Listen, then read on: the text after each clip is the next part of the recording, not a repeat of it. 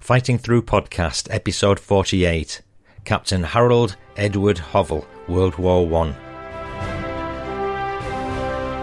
More great unpublished history. One night, several of us lost our way, and we had to lie down and sleep until daylight. We were awoken by a peculiar noise.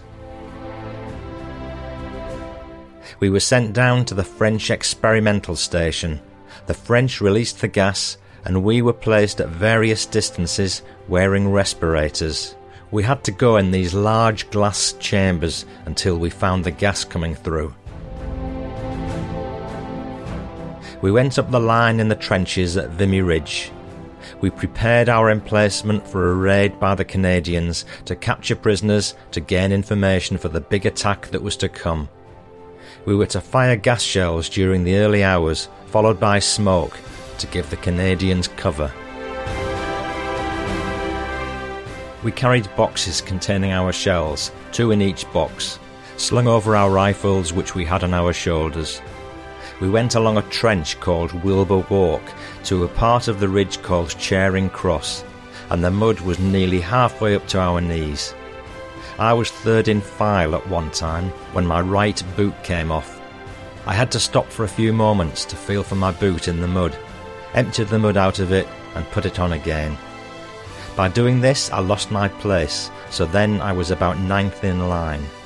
Before the first man reached Charing Cross, Jerry dropped a shell right in front of the line.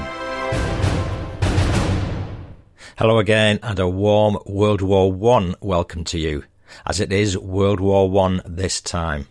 Oh my goodness. I'm Paul son of Bill Cheall, whose Second World War memoirs have been published by Pen and Sword in Fighting Through from Dunkirk to Hamburg.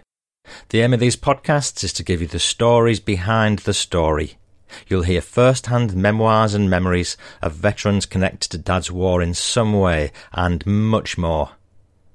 And the much more this time happens to be a totally original, unpublished, First World War history written by the late Captain Harold Edward Hovell. More on that shortly. And as this episode's going out around the time of Remembrance Day, 11th of November, uh, there's going to be a special PS to mark that occasion. So I hope you'll join me for that. I haven't mentioned the Fighting Through website in a while, so just a gentle reminder that whenever I refer to the show notes, then you will find them at fightingthroughpodcast.co.uk. There are some show notes on your listening app when it caters for them, but if you want the full Monty, then go to the website. At the website, you'll also find links to buying Dad's book, Fighting Through from Dunkirk to Hamburg. And uh, since the last episode, half a dozen of you have taken advantage of my recommendation to buy the book through the Amazon link and as a result, you got not only a signed copy, but a special souvenir fighting through bookmark, as well as a couple of photographs, my signature, a smile, and eternal thanks. On the Amazon list, look for the copy being sold by me to get the extras, and I can ship worldwide. If you've already bought the book, thank you. Just drop me an email if you'd like a free bookmark and photos. No need to prove you've bought it. All contact through the Fighting Through podcast.co.uk website. Today, I'm bringing you a wonderful part one of a memoir from a Norfolk man, Norfolk, England. He fought in both world wars. The start of the story has a real Enid Blyton famous five adventure flavour to it, and it's dripping in rich pre wartime history and beyond. You've just heard a few short clips from this man's writings, and there's much more to come. First, some feedback and families stuff. On the last episode, when I tortured you with all my German pronunciation, I shared some negative feedback with you, and also some positive feedback from Wolfie Wolf, well, Wolfie, it occurred to me after the episode that I should really have referred to you as Wolfie, given that it was a German episode and the Germans always pronounce a W as a V. And does anyone know that a VW car is pronounced VW in German? Regardless, Wolfie, you kindly posted some feedback in Apple Podcasts and you said, Thanks for reading my review on your podcast. First time I ever heard back from the many podcasts I've given reviews to. About the other guy's bad review, don't worry too much about it. I really enjoy your podcast and I always look forward to your next one. And that's from Wolfie Wolf via Apple Podcasts USA. Very well, Wolfie. Thanks, thanks so much for that. You helped make my day so much better.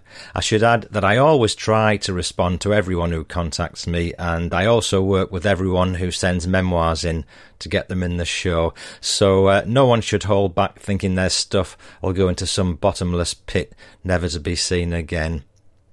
Now for a bit more on the German language, and uh, a bit of ritual Mickey taking, really. I'm normally quite proud of my German pronunciation. I learned a bit at school, and although I'm sure I don't get it right every time, the following comment from Root Shermer certainly brought me back down to earth with a bump. He's pointed out an absolute howler that I committed in episode 48, German Eyes, when I read from John Trigg's excellent book. So, although I was bursting with pride as I got my tongue and tonsils round the Olympic gold medal winning, Knight cross wearing Panzer Commander Hermann Leopold August von Oppeln Bronikowski. Even though I was chuffed to bits as I hacked and spat my way valiantly through Widerstandsnest and Panzerjäger Abteilung, and I thought I'd totally triumphed with von Schlieben Oberfeldwebel and Nicht scheißen until Root playfully observed in Twitter, just one remark, in brackets, sorry. At some point, the story goes about surrendering German soldiers, saying something like nicht, nicht scheißen, etc. The way you read it out had me in stitches. Listener, anyone who knows the slightest bit of German will, will already have sussed where Root is going. But just in case the penny hasn't dropped yet, I'll elaborate. The Americans are running up Omaha Beach and they're attacking the pillbox or something. Some Germans run out with their hands in the air pleading not to be shot. Old, old clever clogs here with his fancy German pronunciation trots off the sentence from the book and says, Nicht scheißen, of course, what I should have said was nicht schießen. Now, one of these phrases means don't shoot. The other means, if you hadn't guessed, don't. Well, I think you can guess. And obviously, I got it wrong. But, but in truth, the Germans probably were shicing themselves. So maybe I got it right in the first place. Who knows? I think it's hilarious how in both languages the changing round of just one or two letters makes such a big difference to the meaning of a word. And from now on I'm going to stick with For you Tommy the war is over and Wolfie Wolf. So thanks, Root. I think that almost beats veteran Wilf Shaw's, Wilf Shaw's joke about Oldham Football Club, though not quite. If you've not heard Wilf's story about his favourite soccer club, then listen in on my special anniversary episode 50, when no doubt I'll be repeating it along with a few more old but favourite stories, along with some new ones too. Tori from USA wrote in, Thank you so much for creating this podcast and continuing it for so long. I'm on episode 7 about Sergeant Douglas Grey in Normandy. This is really just fantastic to listen to, and I can't hardly wait each morning after I drop my son off at daycare to listen on my hour drive to work. One thing that really stuck out to me was veteran Wilf Shaw. He sounded incredibly similar to my grandpa Rocky, who passed away last year in May. He also fought in Western Europe, and it made me slightly emotional hearing Wilf's stories, but with a bit of comical tune, just how my grandpa would tell them. He'd also say he wasn't sure if it was worth it, and we had many talks about that. I was saddened last night reading through the posts on the website, seeing that Wilf had passed just a couple of months before my own grandpa. What a character! I've always been fascinated by the folks of that generation, telling you about the heartache like it was just another day. I really don't think I would have been able to cope the same if I was in their shoes. Unbelievable. I'm so grateful you're sharing these stories of the greatest generation. Their voices are quickly becoming only memories, and it's a wonderful tribute and honour to them to have their words shared. Sincerely and all the best, Tori from Germantown, Maryland, USA. Tori, many thanks for all that, and it's quite amazing how all these characters contributed to our freedoms today. I couldn't help remarking on the fact that you've not only got a young son to look after, but you have to drive for an, an hour to get to work and an hour to get back, and yet you still find time to listen to the Fighting Through podcast, and you even took the trouble to write in. I realise you listen to the show in the car, but you're clearly a lady who's got her stuff seriously together, and I think for that you thoroughly and absolutely deserve this month's Fighting Through podcast. How good is that award? So, sincerely well done, Tori, and thanks again for your sentiments and support. Some war stuff now. Um, last episode, I told you about the World on Fire TV series, and I've just watched episode 5, all about Dunkirk, and wow, some great sequences of Stukas flying over the beaches. I suspect they weren't real, but they looked real enough and gave a very dramatic insight into what the scenes must have been like. So, listener, miss this series of ordinary and not so ordinary lives in Second World War Europe and regret it. It's on BBC One where you can get it. World on Fire. There's a link in the show notes. I'm very grateful indeed to Virginia Dack for giving me access to her late father's memoirs. He was Captain Harold Edward Hovell, and he fought in both world wars. As I said earlier, it's a, a, very historic piece of work, and it's an original World War account written by a man from Norfolk in England. Coincidentally, it's Norfolk where I live, and of course where I met Virginia.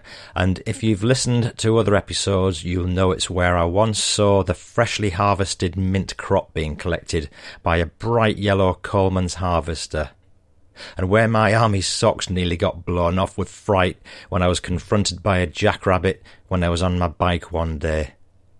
And if you want to check out Norfolk on the map, then it's the great big bit that sticks out above London on the east coast. It's populated a little more thinly than many areas in England and has quite a lot of waterways called the Norfolk Broads. And there's lots of flat countryside. And of course, the United States 8th Air Force, the mighty 8th, brought attention to the area when they arrived in Norfolk in 1942. And throughout the rest of the war, there were around 50,000 US personnel stationed within a 30 mile radius of capital city Norwich. This story starts off with a writer as a young man in 1908 covering his early life as one of the very first Boy Scouts, moving on to the drama of the First World War, and ending with an insight into his early years following the war. It's almost breathtaking what these young boys achieve in the Scouts compared with what boys seem to do these days. But what they did get up to in the countryside was clearly preparing them for war and there are some surprising first hand accounts of significant historical events which to us seem like ancient history, but which this man lived through. We're also going to hear about the famous World War I Battle of Vimy Ridge, together with some quite awful revelations about the use of gas by both sides. I'd now just like to spend a couple of minutes giving you some of the backstory to this memoir. World War One is also known as the Great War. It was a global war originating in Europe and it lasted from 28th of July 1914 to the 11th of November 1918. It's been known as the War to End All Wars and involved over 70 million military personnel, making it one of the largest wars in history. It's also one of the deadliest conflicts in history, with an estimated 9 million combatants and 7 million civilian deaths as a direct result of the war, On top of that, there were many genocides, and the resulting 1918 influenza pandemic caused another 50 to 100 million deaths worldwide. The war involved 32 countries. The Allies included Britain, France, Russia, Italy, and United States, amongst others. Those countries fought mostly in Europe against what were called the Central Powers, which included Germany, Austria Hungary, Ottoman Empire, and Bulgaria. I do want to mention the gases which were used in this war because they feature quite a lot in this memoir. Three substances were responsible for most chemical weapons injuries and deaths during World War One. There was chlorine, phosgene, and mustard gas. Collectively, they would irritate the organs and senses which affected sight and breathing. So when you see those old war photos of soldiers being led in a line blindfold, they're probably suffering from gas. Hundreds of thousands of soldiers were killed or incapacitated by these gases, and if you want to learn more about the unsavoury, revolting effects of these gases, there's a link in the show notes. My own granddad, Arthur Warren, fought in the First World War, and I remember as a child he was always coughing and wheezing with a very bad chest. He said he'd been gassed at the Somme, and this would have been maybe fifty years after the war had ended, so it affected him for the rest of his life. I can remember him now taking me to the local park to play on the swings. And we'd stop off at a shop where he'd get some mint imperials to suck on and I'd be trotting alongside him, playing with a toy car he'd bought me, while he sucked and wheezed his way through his sweets. Every now and then today I do buy some mint imperials, and I remember my grandad. The Battle of Vimy Ridge features prominently in this memoir. It was part of the Battle of Arras in northern France, and it was mainly between the Canadians and the Germans. The Canadians had to capture the German held high ground of Vimy Ridge, an escarpment on the northern flank of the Arras front. Supported by a creeping barrage, the Canadians captured most of the ridge during the first day of the attack. The final objective was a fortified mound located outside the village of Givenchy-en-Gohelle, and when this fell to the Canadians, the Germans retreated. This battle was the first occasion when the four divisions of the Canadian Expeditionary Force fought together, and it was made a symbol of Canadian national achievement and sacrifice. And we'll find out what contribution our Captain Hovell made to this battle shortly. But of course he wasn't Canadian. One final comment about the memoir before we start. There are quite a lot of people and place names which won't mean a lot to most listeners, but I've chosen to leave them in because that's how the memoir was written, and uh, I truly believe that by leaving the names in, uh, it may mean something to you, and you might take great satisfaction from that, and you might even have your own memoirs that could contribute to the show. So, this is the story of just one Norfolk man's First World War, Captain H. E. Hovell. I'll leave it there and crack on with it. It was the spring of 1908. King Edward VII was on the throne, and more than a year before Blériot flew the English Channel in his monoplane. Two boys aged 14 years sat on a garden wall in Norwich looking at number one of the new boys magazine called The Scout. I think the exact date was April the 18th. It was 1908, and Britain, General Sir Robert Baden Powell, having been a hero in the Boer War in the defence of Mafeking, had formed the Boy Scout organisation with a motto, Be Prepared. How that motto became true six years after. The first page in the magazine was by General Baden Powell, how I Started Scouting. There was a serial story called The Phantom Battleship. After much deliberation, the boys, Geoffrey Martin, Cook, and myself decided to form a patrol of scouts. Cook was the son of Mr. Robert Cook, reporter of the Eastern Daily Press and local reporter for the Daily Mail. As Cook and myself were pupils of the old higher grade school, it was only natural that we recruited most of the boys, friends of ours, from that school. We got together about six boys. We had a meeting and decided to form a patrol and call it the Cuckoo Patrol. I wasn't long returned from Brantford, Ontario in Canada, the home of the Mohawk Indians, and they had their reservation there, so I was voted patrol leader. A boy named Reg Pollard was made corporal, and Cook was secretary. The great question then was how to obtain the scout uniforms. In those days, children weren't given very much pocket money. It was thought that it spoilt them. I myself had two or three coppers on a Saturday. Our parents, like everybody else, knew nothing of Boy Scouts and laughed at the idea. So we had to get things one by one. The main things were a scout hat, scarf, pole, short knickers, Scout's belt, and patrol flag. The scarf for the Cuckoo Patrol was grey. It was past Christmas in that year before we were near fully equipped. A few weeks before Christmas, we decided to go carol singing. Only to large houses in the country or towards the outskirts of Norwich. Once we ventured up to Crown Point, the home of Mr. Russell, the great mustard man. We were given four shillings by a man in livery, a goodly sum in those days. We of course walked to all these houses, covering many miles after school.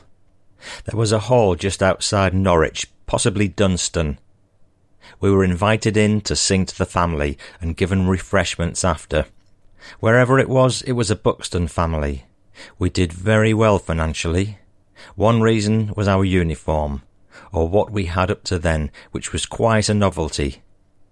Regarding our singing, well, I think it was appreciated.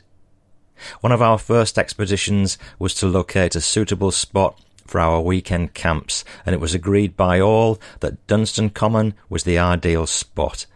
This was about four miles from Norwich off the main Norwich to Ipswich road. We used to leave Norwich for camp every Friday or Saturday night, mostly all weathers, with just a waterproof cape, which we used as a ground sheet. We had no such things as blankets or tents. We took food with us, but usually found our Sunday dinner by snaring a rabbit, which we cooked in our improvised oven. During our camping, we took long marches passing through many villages. We were laughed at by the locals and very often had to fight our way through. They, of course, were amused at our short knickers, scout balls, etc., which were all new to them. At times we had to run for it. Scouting was unknown to nearly everyone in those days. Little did we know that by 1920 there would be 750,000 scouts. That's 12 years later. It was winter of 1908 before we met any more scouts or even heard of them. One cold afternoon we were on the road towards Swardeston when we came across more partly uniformed scouts and recognised a few of them. They included the Kirby brothers, Tapscott and Bobby Moorhead, whose father was choirmaster at Holy Trinity Church, Norwich. How different things were in those days. The air was pure, not contaminated by petrol fumes and diesel fuels. One could walk on the country roads without fear of being suddenly bumped off. A country of beautiful hedgerows, shady lanes, and tranquillity. One did not have to hop across the road like a mad March hare. There were many footpaths and bridle paths that people could use to walk across the fields and enjoy the beautiful countryside. On a Sunday before our dinner on Dunston Common, we used to walk round to Stoke Holy Cross and buy stone bottles of ginger beer, which cost us a penny each. I think the pub we called at might have been the Rummer Inn. Later on, we made our own little tents and used to bury them in the ground until the next time we paid a visit there. A new outdoor swimming bath was opened at Lakenham on the outskirts of Norwich soon after we'd formed the Cuckoo Patrol. Many times we left our beds at 6am and walked nearly two miles to the baths. After swimming, we returned home for breakfast before going to school. We carried on scouting for a long time on our own. Once we arranged for a week's camp at Somerton, northeast Norfolk. This was the first time we'd hired a bell tent. We sent the tent on by train to Yarmouth, and I believe by carrier from there to Somerton. The owner of the hall where we camped was a Scottish gentleman who kindly gave us permission to camp there. We left Norwich about 10:30 p.m. on a Saturday night, arriving at our destination during the next morning. We carried all our food for a week with us. The distance was about 24 miles from Norwich. There were nine members of our patrol. Apart from Cook, Pollard and myself, the other members of the patrol who were with us for most of the time were Ozzy Ward, Sid Palmer, Harry Loads, Arthur Hubbard, Mace, and Alf Stubbs. Of them, Sid Palmer would be killed in the Somme battle. Cook, I'm told, died in the middle 1950s. Loads was wounded in France. He returned home and had an operation for his wound, then fell from the operating table and died. Cook and myself once met in France just after the Battle of Vimy Ridge. He was a sergeant in the Royal Army Medical Corps, the RAMC. I met Hubbard once between the wars. He was on the staff of the Ilford Town Hall, London. The others, if still with us, I should very much like to meet. We eventually heard during the spring of 1909 that a Mr. Barnes had formed a small troop of scouts. We paid him a visit and soon after joined up with him. He had a shop in Exchange Street, Norwich, where he sold garden tools, raffia, brass, etc. He was a tall, solid man, walked with a long stride, wore corduroy breeches and buskins, leggings. We held meetings at his shop and carried on scouting under his gardens for some months. Then it became known that a Mr. Claude Stratford had been appointed local organiser and later, I think, district commissioner. We had a large rally when King Edward VII came to Norwich.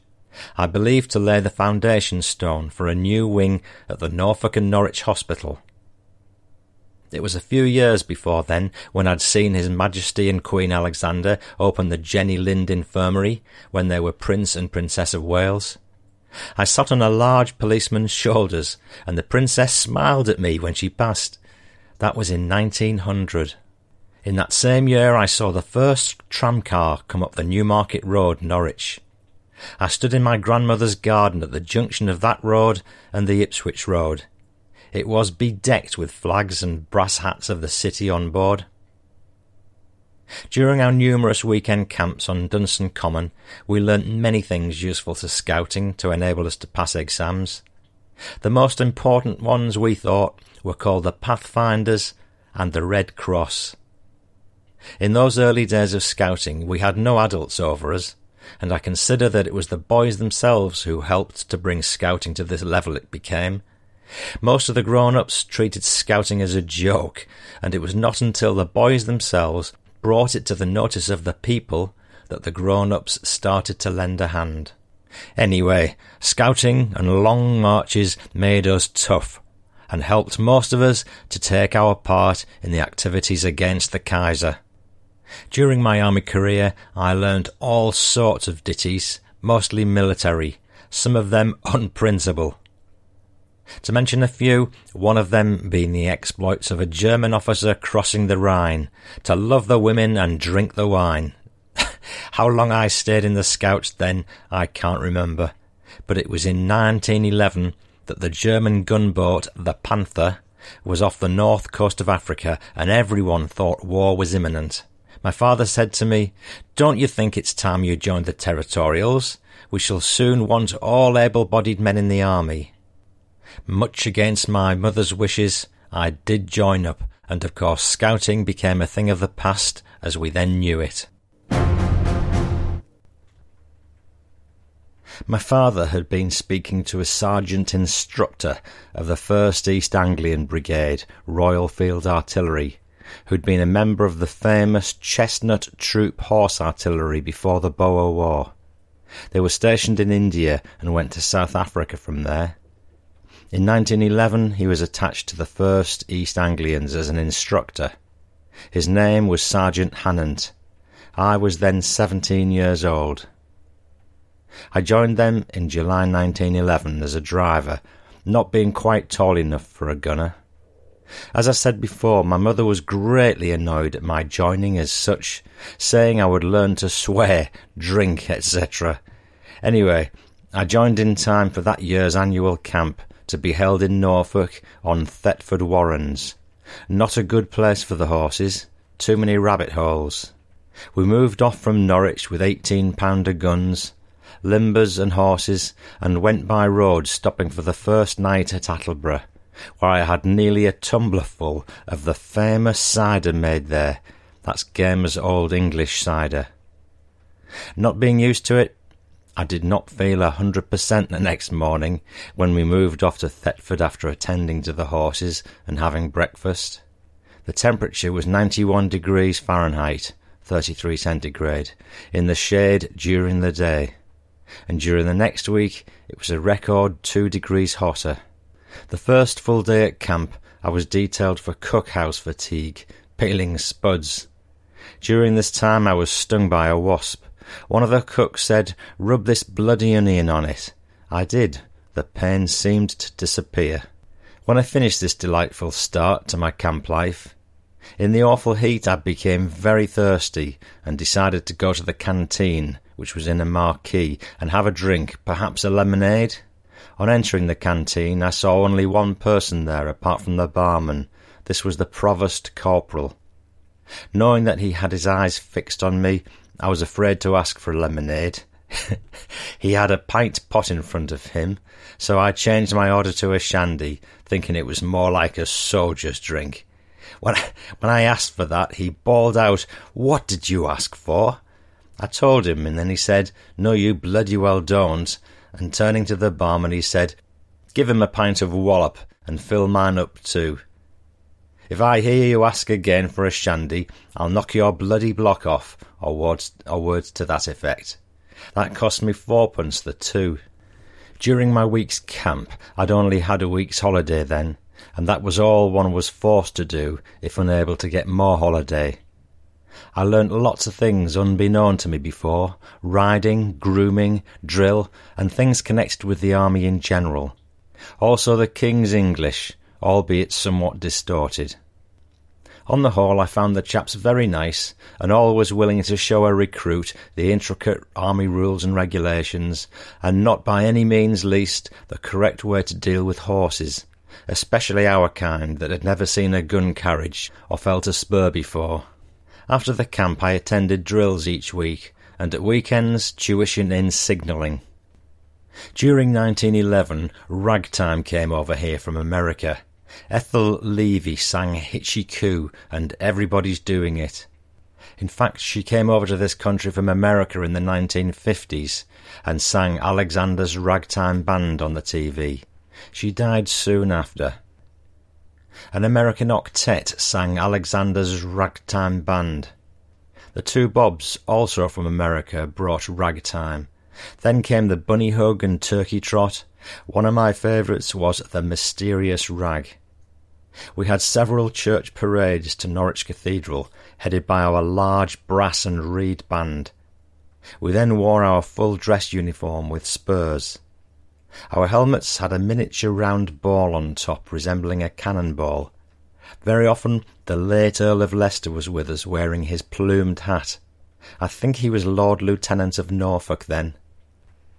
Our riding drills were often held at the cavalry barracks using the cavalry horses. The 1912 camp was held at Okehampton in Devon on the south coast. We travelled there by train with the horse trucks attached. Arriving at Okehampton, the first job was to let down the sides of the horse trucks, then push our way in between the horses, who were facing away from the open side of the truck, get hold of the heads of two horses, and push them backwards down the platform. One of the two lifted its foot up and placed it on mine, splitting my boot. I had to release my hold of the other horse for a moment and bring my hand over it and give it a fourpenny one to make it lift its foot away from mine. The camp was a permanent one on a mountain, Yes Tor, used by all artillery for firing practice, and if the clouds were low, they used to hit the top of the mountain and rain used to fall in buckets full. There were drying sheds to dry our clothes in. If the troops went into town at night and returned in the dark, the only way to find the camp was to follow a line of stones that were painted white. One night several of us lost our way, and we had to lie down and sleep until daylight. We were awoken by a peculiar noise. It turned out to be a large number of wild Dartmoor ponies running past and just missing us. 1912 was a year to remember.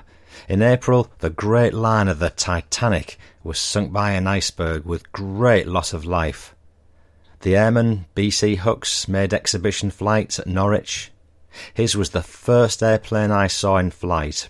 If I remember rightly, the Australian cricket team played in Norwich, and in the September of that year the late Lord Roberts came to Norwich as president of the National Service League. He was Field Marshal and Commander in Chief of the British Army. I was one of a Guard of Honour at St Andrew's Hall, supplied by the 1st East Anglian Brigade HFA. Listener, I think that's Horse and Field Artillery. The hall was crowded, and he told the audience that a great nation with a vast army was waiting to pounce on us, or words very much to that effect. There was a cry of bloody old scaremonger. How true his words were two years later. He stayed with the late Earl of Leicester at Holkham Hall. I possess a letter written by Lord Roberts from Holkham Hall soon after the meeting. During 1912, there was a coal strike lasting about five weeks, and I think Mrs. Pankhurst tried to address a meeting in Norwich towards the end of that year about votes for women. The following year, 1913, we held our camp at Lydd for firing practice.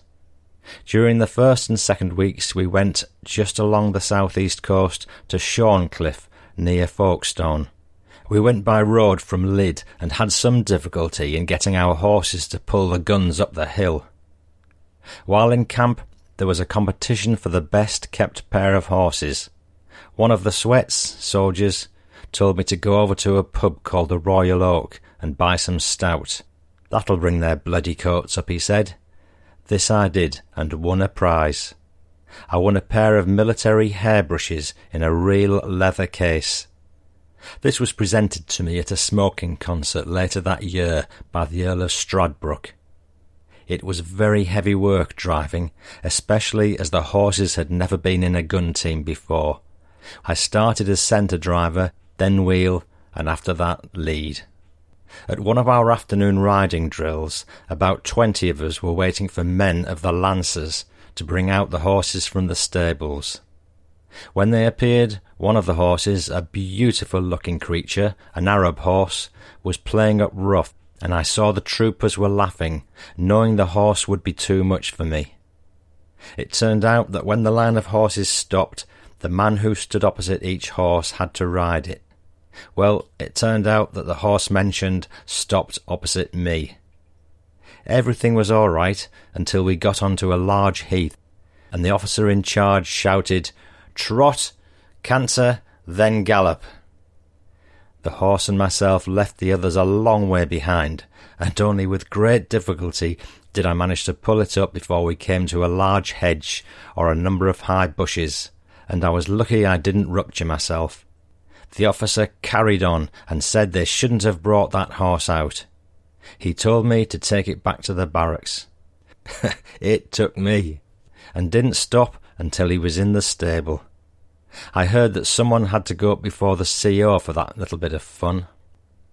We did a weekend camp at Colchester with a regular battery on the Abbey Fields. Then it came to November 1913. I had to leave Norwich for further experience in my profession. I went to a lovely little town on the borders of Suffolk and Essex, on the River Stour, mentioned by Charles Dickens in Pickwick Papers, at Eatanswill, also the hometown of the famous painter Gainsborough. I spent about ten months there, and about the happiest months of my life. Very friendly people, and a lovely river, where I spent a lot of my spare time during the summer of 1914. As there wasn't an artillery unit anywhere near that town, I left the Terriers, the Army Reserves. When I arrived in the town on a wet November evening, I thought my stay would be short. Everything looked so gloomy.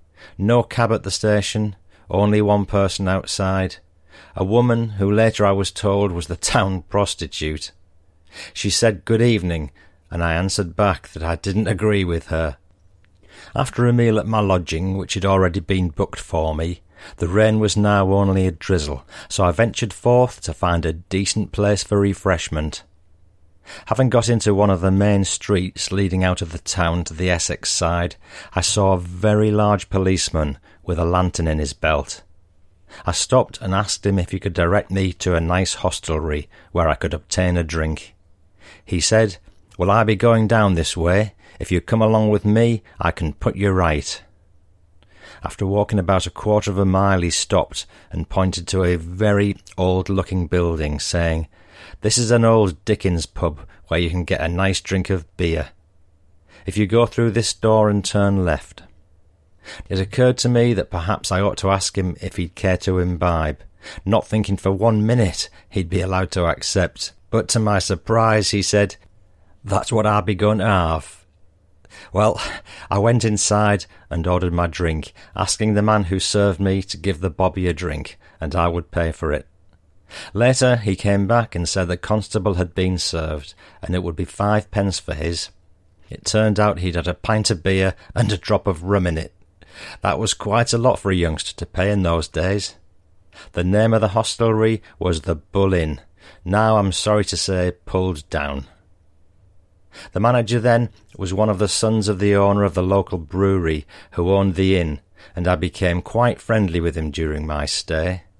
Apparently, the previous Christmas, 1913, the local blacksmith, a man by name Turk, made some egg flip.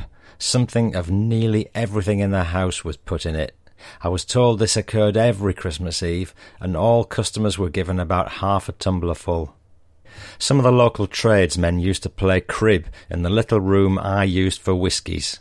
It cost threepence a shot, and it was twenty under proof, not thirty as it is today. I called there in later years about 1960, and things appeared much about the same then as they were in 1913 to 14, apart from the price of drinks and cigarettes. The town was Sudbury. I understand that inn was demolished later too. Names of people I got to know very well during my stay in the town were Kilby, Hailstrop, Openshaw, Wing, Grimwood, Jones, Skidmore, and Parsons. Also the reporter of the local press, whose name I can't recollect. August the 4th, 1914, came the Great War, and the curtain came down on those pleasant days, and I don't think it's ever properly risen again. I left the Suffolk town not long after the outbreak of war and seriously thought of joining up. But my parents advised me to carry on with my work as I had my future to look after, and if the war lasted many months, then it would be right for me to join then. I don't think my mother wanted me to become involved in the conflict. So I went to a south coast town for a few months and met an old friend of mine who was living there and a friend of his. We decided to join a crack London horse regiment. They wouldn't accept my friends, but would me, so I wouldn't join. After getting fed up with civilian life, I decided to go back to Norwich and join my county regiment, and I enlisted in the 6th Norfolks. Not long after enlisting, the OC at the depot called for me and said I ought not to be bloody well in that regiment. The RAMC, the Royal Armoured Medical Corps, was the place for me, owing to my vocation. I might mention here that my father lost a good sum of money owing to the war, and really couldn't afford to send me to London for the studies necessary for me. When the OC told me to join the RAMC, I said, Very well, transfer me, and this he did. And by June 1915, I was in camp at Windsor Great Park. We had several long route marches, and after one I developed a large blister on one of my heels. Being told there'd be another march in two days, I wondered if I could make it. My foot hurt so much. Then I decided to speak to the regimental sergeant major, who was an old ex Norfolk regiment man and a stickler for discipline. He said, What a blister, boy! Well, report to my tent at 5.30 in the morning. We'll soon get rid of that. Promptly, at 5.30 a.m., I made as much noise as I could on his tent flap, and after a time he stuck his head out, his eyes half closed, and a flushed face, after a thick evening, I thought, and he demanded to know what I bloody well wanted. I told him, and he then told me to take my bloody boots and socks off, and walk round the park for half an hour, and keep on the move, I went on the next route march about twenty miles and returned very tired, but no trouble from blisters. The camp was called Bears Rail Camp. There were a lot of deer about. Soon after this last march, I was told to report to the orderly room as the captain wanted to speak to me. I wondered what the hell was the matter. The captain said, You're in the dental line, aren't you? I replied that only the mechanical side of it at present. Well, he said, you're going to be on the operating side in the near future. There were several thousand troops at camp in the park, and a large number had toothache. No doubt leaving feather beds and having a different diet played on the weakest part of the anatomy, that being the mouth and teeth. He told me that himself and officers attached to our RAMC were nearly all doctors and didn't have much luck in extracting molars, so they decided that I should have a go. As I was in the army and had been given an order, it was up to me to obey. Otherwise, I was for it. The next day, I was taken to a bell tent, where inside was a table, one chair, an enamel jug, also a basin for spitting into, an enamel cup, and a leather case containing three pairs of forceps. No syringe or local anaesthetic. The troops had been told, and it wasn't long before I had many patients. Apparently, all could not be catered for by the local dentists. They, in their innocence, came to me like lambs to be slaughtered. I certainly did my best, and sometimes my worst. Those teeth I couldn't extract, I just left. Very often, if successful, the soldier would say, Well, now you're about it, you might as well take this bugger out as well and very often I was offered money, a shilling or two, by those who were pleased to be relieved. This went on until we had to leave the park owing to deer at that time of year. We moved to a camp that had only been formed about a year. It was a sea of mud after the rains came, and it was called by us Halton in the Mud. Now I believe it's an RAF training centre. Before we left Windsor, we were warned for active service and dished out with drill uniforms, etc. Listener warned means put on notice. We had a farewell concert, but at the last few hours the trip was cancelled, much to our disgust. We little knew then how lucky we were, as the boat we had to travel on went to Alexandria, and transferred all the details to the Royal Edward, which was then torpedoed and sunk before it reached Suvla Bay at Gallipoli. Listener, you do not want to know what happened at Suvla Bay. You really don't. But if you do, then listen to the excellent memoirs of Fred Reynard in episode 16 on the Battle of Gallipoli. Before the concert, we'd been told royalty would be present, but we failed to recognise anyone different to those who'd helped in the YMCA, but rumour was that the lady who gave us tickets for our money to buy tea and buns, etc., was Princess Alice, Countess of Athlone. She was very pleasant and good looking, and it was that lady who was present at a plaque unveiling ceremony at a hospital, at which I was an honorary some eleven years later. Lord Kitchener was a Boer War General under Lord Roberts, and was made Secretary of State for War in 1914. He raised a body of men before conscription was introduced called Kitchener's Army. Owing to a shortage of khaki, they wore blue uniforms for a time. Lord Kitchener left for Russia in a bad storm in June 1916 in a cruiser called Hampshire, who struck a mine laid by a U-boat. Only twelve survived, and Kitchener was among those drowned, and his body was never recovered. At Halton Camp, I carried on with the tooth business, and also helped with vaccinations for venereal cases. At times I joined the rest in long route marches, about 20 to 24 miles, in full marching order. I had a few weekend passes to London. Once, when a Zeppelin dropped bombs, one landing in front of the Lyceum Theatre. I saw a photo some years later of the crater with several soldiers looking at it, including myself. At last a dental surgeon was posted to our field ambulance. I asked for more pay just before he arrived for doing the dental work, but was unlucky.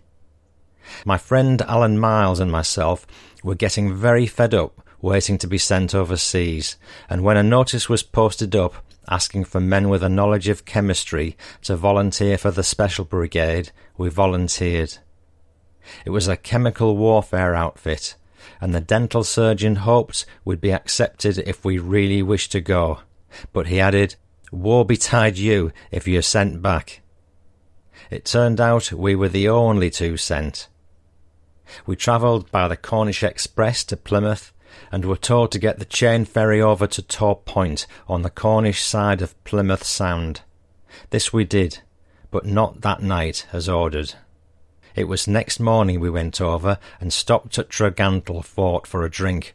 Then we went on to Withnoe, that was the headquarters of the Special Brigade in England, a camp where the men were equipped and sent out to France within about three or four weeks. I had a few days' leave before leaving Southampton for Le Havre on a very rough night. Most of the troops were sick, and we decided to sleep on deck and get wet, which was far better than the stench below. We spent that day and the next night at the rest camp at Le Havre, on the way, we met a battery of Australian field artillery coming out. It was raining, and they were covered in mud, and the language was just terrible. The horses were playing up, and I could quite imagine the driver's feelings from past experience. The next morning, we moved off to Rouen. Here, we took a train to our depot in France at Helfaut. There was a chateau here that Earl Haig had used as his headquarters. I'll now endeavour to give you a brief history of the Special Brigade and its objectives. The Special Brigade was formed in the spring of 1915 in answer to the German poison gas attacks during the Second Battle of Ypres. An urgent appeal was made for men with a knowledge of chemistry for special duty all sorts of men of science came forward, plus men for training the latter. Great secrecy was maintained about the whole matter. In the first place, three companies were formed and called Royal Engineers. It would not have done to have called them the Poison Gas Companies, as they would have been shot on the spot if captured. As time went on, more companies were formed, some using cylinders for gas clouds and were named A, B, C, and so on. Then another four companies were set up using the heavy Stokes trench mortar for gas shells, thermite, and smoke shells or bombs for daylight raids by the infantry. These companies were numbered one to four, and it was four that I was posted to. The cylinder companies had revolvers, and the mortar companies had rifles and bayonets. The whole brigade was placed under command of Major C. H. Ffoulkes, a regular officer of the Royal Engineers, who rose to rank of Major General, a splendid man and leader. I attended the first and only reunion of the brigade at the Cavendish Hotel at Eastbourne on September the 5th, 1965, the anniversary 50 years to the day, when at the age of 90, there were also 134 old comrades, including one who flew over from Canada, one from South Africa, and one from Australia. Of the 134 who attended, few indeed were under 70 years of age. Listener, just a bit of backstory uh, regarding a battle I'm about to talk about. The Battle of Loos took place uh, September October 1915 in France on the Western Front.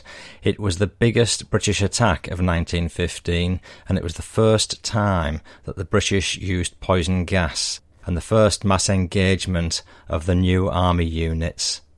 Despite improved methods, more ammunition and better equipment, French and British attacks were contained by the German armies.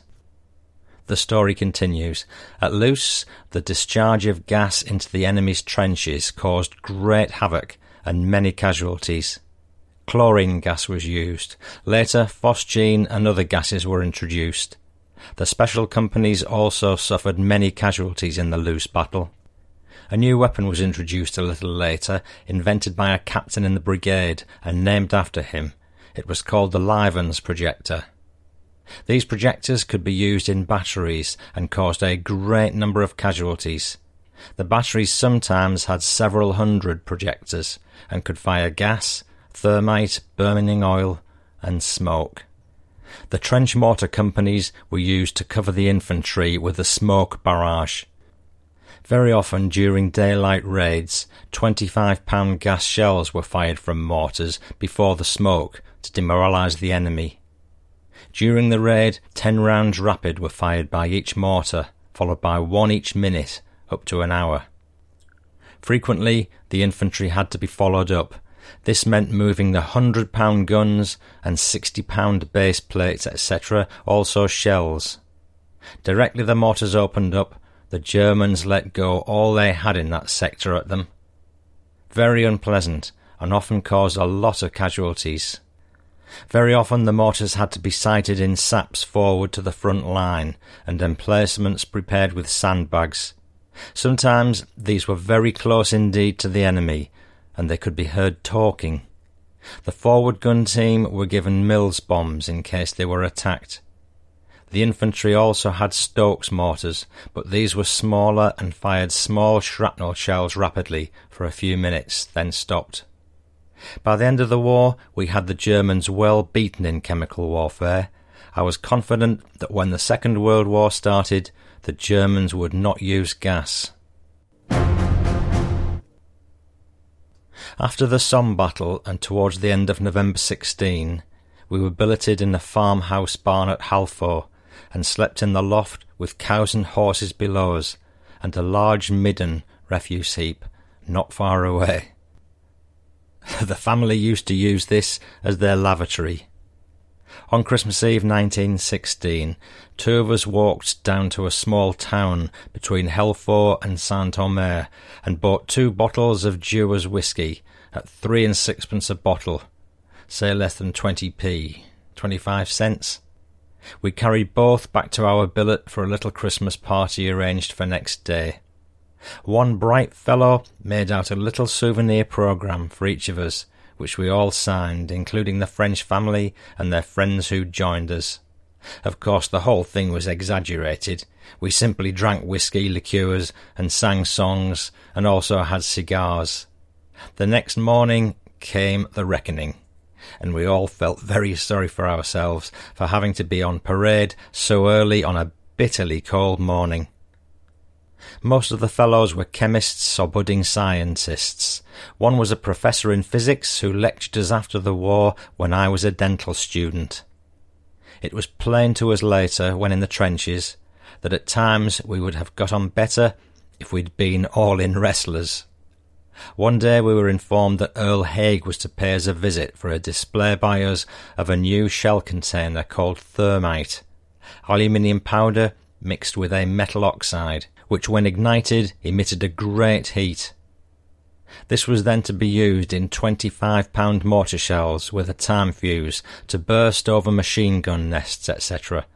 This was used later for other purposes in the Second World War.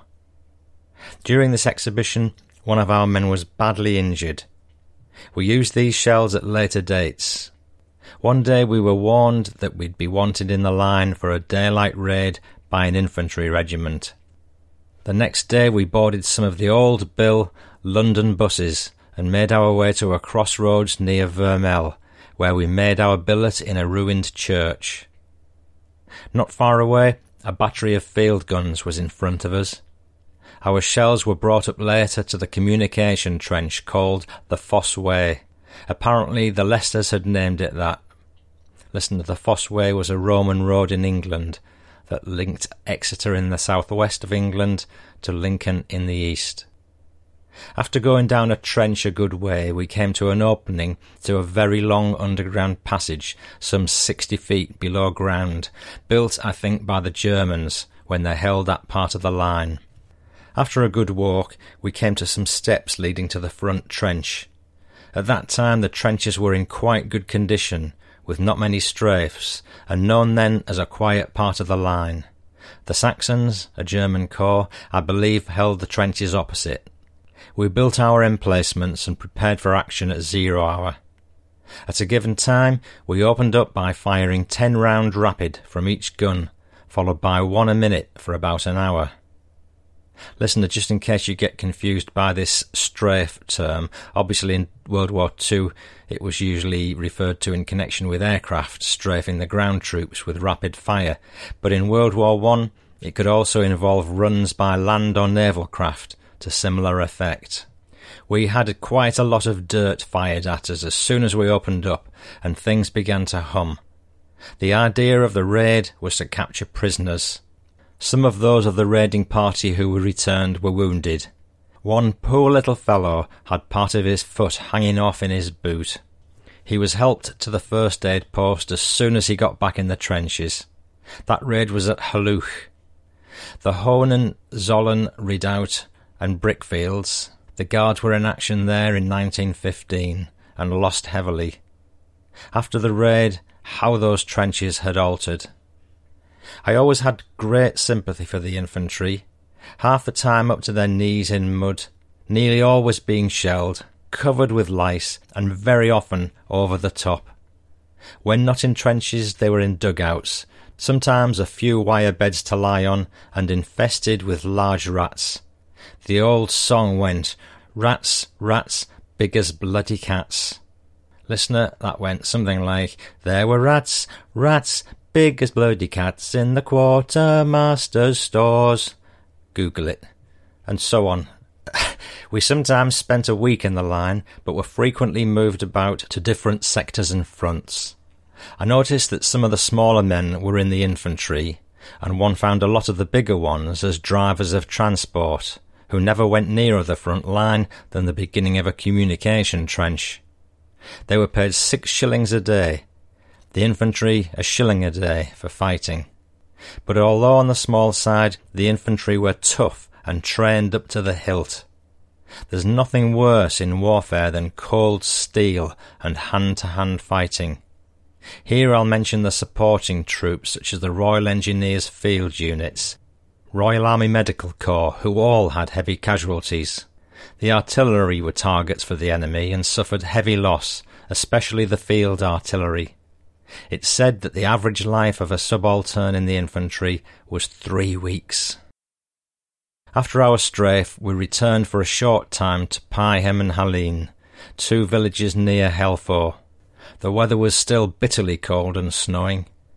Again we were billeted in barns and outhouses.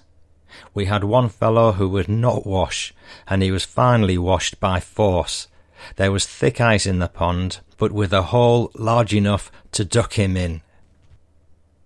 In about two weeks, we again went up the line to Villers-aux-Bois and went in the trenches again at Vimy Ridge. We prepared our emplacement for a raid by the Canadians, to capture prisoners to gain information for the big attack that was to come. Of course, we didn't know about this then, It was intended that we'd fire gas shells during the early hours of the morning and follow up with smoke for a raid by the Canadian infantry. This was on Monday, but the wind was wrong for the gas, so the raid was postponed from night to night, and I think it was the Thursday before the wind turned. In the meantime, the Germans had got to hear of this and were all ready for the attack. The Canadians went over the top behind our smoke barrage, but were mowed down with very heavy losses we heard that they lost just seven short of a thousand men in about ten minutes, including two colonels. They were all buried in the cemetery at Villers-aux-Bois. It was a terrible half hour. The ridge shook like a jelly, and in spite of heavy losses, the infantry captured their prisoners.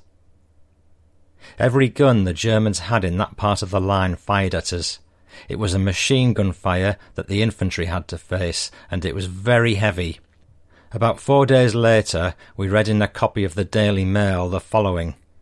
We carried out a successful raid southeast of Souchez, in which we captured forty prisoners. That's all the people at home knew about it. After that show, my friend Miles and I were sent down the line to a place called Chequers for a course on the latest methods of first aid for modern warfare. During a few days there, I had a violent toothache and went to a dentist there in the forces who failed to get it all out. I admit it was a shocking broken down lower molar. I suffered agony for a few hours and tried to drown it with a number of glasses of port wine we went back to our unit then at Le Brebis for a week, then back to Vimy Ridge, billeted in a cemetery at Carency, not far behind Vimy. Before writing about future events, I'll mention the night before the last strafe. I was detailed with another man to go to the light railway that ran from behind the lines to the foot of Vimy Ridge. The trucks containing rations for that sector or corps of the Canadian Army were drawn by either six or eight black mules, and usually arrived about the same time early in the evening. I was told before it arrived that Fritz usually fired a salvo or two of whiz bangs, quick firing light shells, which the troops used to call by that name owing to the noise they made. This particular evening was no exception, with some of the Canadian, we formed a line from the trucks to the dump where the rations were dished out in sacks already marked for various regiments, when suddenly, bang, it started. We ran a short distance for cover in a shallow trench.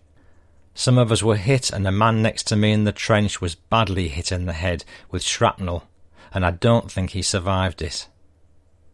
After a few minutes it was over, and when we started unloading again, the mules were still standing there, and not one was scratched, or the men in charge of them. In the daytime, a light engine used to pull the trucks. The trucks were also used to take the dead down the line after they'd been sewn up in blankets. Our section travelled down from the ridge several times, sitting on the dead. The Battle of Vimy Ridge, Easter Monday, April 19th, 1917. From our billets at Carency, we went into the line each day to carry shells and prepare for our part in the coming battle. Our way led us through trenches on duckboards called the Arras lines until we came to an open part of the foot of the ridge called Death Valley. The first objective was a tunnel burrowed under the ridge called the Dingwall Tunnel. This was situated at the foot of the highest part of the ridge called the Pimple. The Pimple was held by the Germans at the time. Once it was captured, but lost again later. Our guns were placed in different positions on the ridge in emplacements. Large holes were dug and filled with sandbags. Most of the Sunday before the battle started, we carried boxes containing our shells, two in each box, slung over our rifles which we had on our shoulders. The boxes had rope handles on each end. We carried them from the tunnel along a trench called Wilbur Walk to a part of the ridge called Charing Cross. Wilbur Walk was mud nearly halfway up to my knees. I was third in file at one time when my right boot came off. I had to stop for a few moments and feel for it in the mud, empty the mud out of it, and put it on again for the time being. By doing this, I lost my place and then was about ninth in line. Before the first man reached Charing Cross, Jerry dropped a 5-9 shell in front of the line. The first man had part of his right arm blown off as he held a box of shells on his rifle. The second man escaped, but the third lost the top of his head. Napu finished. He was a little fellow, his first real touch of the line, and he came from the north east of England. It was very sad later when what was left of us got back to Carency. A parcel was waiting for him, containing, among a lot of things, some coloured hard boiled eggs for Easter, sent by his auntie with love.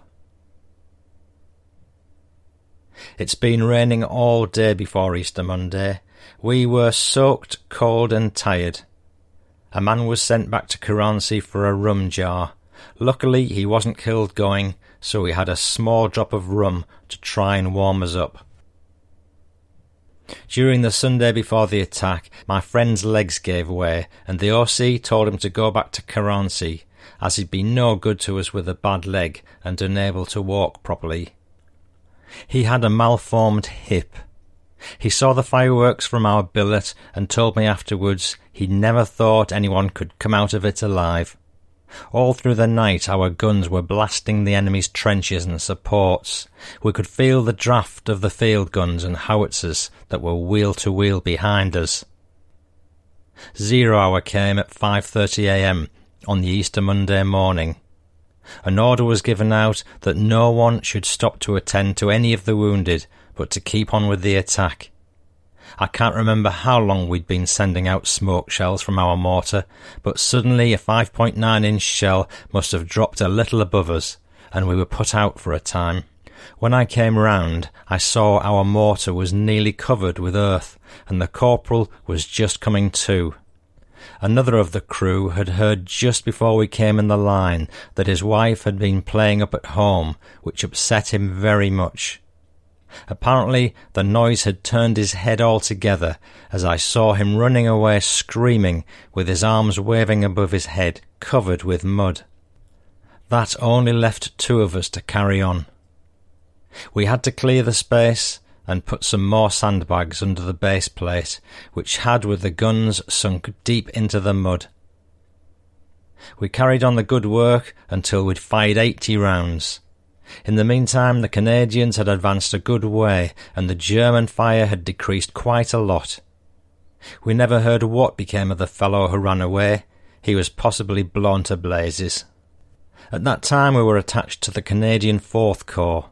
Also, there were some Middlesex machine gunners near the Pimple, the highest part of the ridge, just above us to our left. Scottish regiments were fighting on the right of the ridge near Mont Saint Eloi. When we came out of the line about two hours later, we passed through what was left of the place called Souchez. The river by that name was full of skeletons. Some of them appeared from the remnants of uniform left to be Uhlans, German cavalry. They'd been used earlier for scouting and carried lances. Also, there were many civilians killed there. Before the advance, it was unwise to go that way, as it was under observation by the Germans. During the time on the ridge, I was very lucky not to get a blighty or worse. As it was, I got only a small injury and didn't report the same, but have very often felt it since. We went to our billet at Carency, not far away from the ridge, and I found several weeks' mail waiting for us. My father always sent me a twenty packet of Players cigarettes with a two shilling piece placed in between the two rows of cigs twice every week, so I had plenty to smoke. Before then, I had only the army ration of cigs, two packets of Robin every Friday. We met a battalion of Norfolk going forward as we came out down the garrison road leading to the ridge. The 4th Canadian Division had a hard task when advancing. They had to contend with some very deep underground tunnels occupied by the enemy. Phosgene gas shells were fired by the Special Brigade prior to the advance, causing many German casualties. During the Vimy battle, our OC, who stood a few feet from our gun in a part of the trench, was afterwards given the MC, the Military Cross. I'm sure this battle was the turning point of the war, the largest concentration of artillery and trench mortars ever.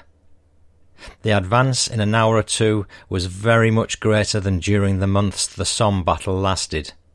The Easter eggs we got were very different to those we'd had during the past years, and no silver paper round them. After that last affair, we spent a few days at Villers-aux-Bois, a Canadian band played sometimes, and during those few days I saw a Canadian private eating tinned lobster with a Madeira cake he'd bought at their canteen. A queer mixture. Our next move was to Givenchy les la Bassée for more smoke work and daylight raids. It was somewhere here we entered the trenches under a ruined house that was called the Maison Rouge. All that was left of it were red bricks. Later, we went for a week's rest to a mining town called Les Brebis. But we were recalled to the line in four days. There we had the use of miners' baths and got rid of some of our visitors. Marching back from there to a big gas strafe at Bullock, we passed an estaminet or cafe, similar to an English pub. A soldier was strumming on a piano, well out of tune. It was a new song to me called If You Wore a Tulip and I Wore a Big Red Rose. I've always remembered that song. In this raid, we fired hundreds of 25 pound gas shells in a few minutes. We heard the Germans had many casualties. During the next two months, we carried out a number of strafes in several parts of the line, including two at Festubert, one at Bullock, and one at Loos. The weather became very hot, and I remember one night in our billet at Beuvry, we all decided to take our shirts off. This we usually did only to change them, which was rare, as between the heat and the lice it had become nearly unbearable. There was only one man in our billet who wouldn't, and he said, I've been out here now eighteen months, and the buggers haven't beaten me yet. We slept that night round the billet, our heads resting on our packs, and at our feet our shirts. The next morning I woke up and thought my pack was extra soft. When I looked at it, there was a shirt on my head, partly on. It appeared that during the night this guy couldn't stand the itching any longer, so he took his shirt off and threw it, and it landed on my pack. Passing through fairly large towns well behind the line, one saw at times queues of men waiting to be admitted to various establishments, names such as Number Four, the Black Rabbit, etc. These did not interest me. Too many eating off too few plates. Very often, those in command did silly things, or perhaps didn't take wise precaution. I remember when we were at Beuvry one fine sunny morning, we had all our guns out cleaning and polishing them during a day's rest from fighting. During this operation, a German plane flew over us. Instead of command moving us, we were kept in the same spot in the school playground. No school there then, of course and later in the day the German guns blasted us with a number of rounds of shells, killing two of our number. One I remember was a nice fellow, they called him Gussie. In this town a few civilians were still living, mostly to make money from any troops staying there, but not all of them did that as they were within range of the German guns. However, they weren't fired on very much, only when the Germans new troops were there. During my stay with the company, we took part in many strafes, including the last one at Festubert. Here there were few trenches, mostly only a few shelters of corrugated iron to protect as much as possible from shrapnel. The ground was boggy.